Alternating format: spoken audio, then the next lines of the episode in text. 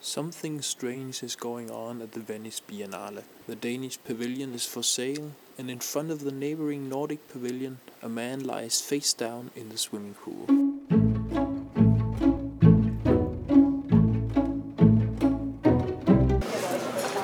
Good morning, all. Are we all met here? Did we get a small group here? Thanks very much. My name is Roger Foxwood. I work Vigilante Exclusive Real Estate. Do come in.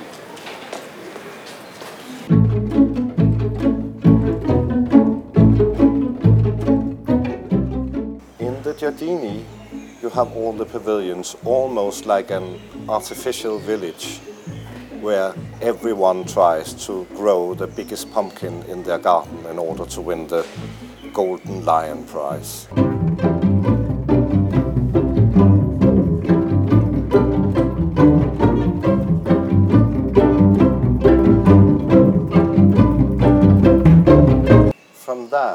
The idea actually derived to turn the two houses into private homes.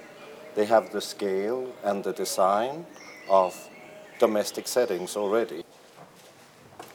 Now, the young teenage girl who lived here was a bit uh, crazy, as teenagers tend to be, so please uh, disregard the uh, uh, gothic nature of the room. Come in.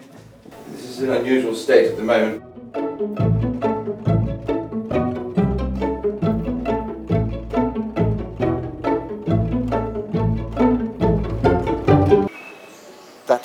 Gave us the whole idea of making the two neighbors. The family that collects art and flies that they pin up and order and Weimar porcelain in order to get a little bit kind of system in their own lives. This is where the, the family had their grand dinner parties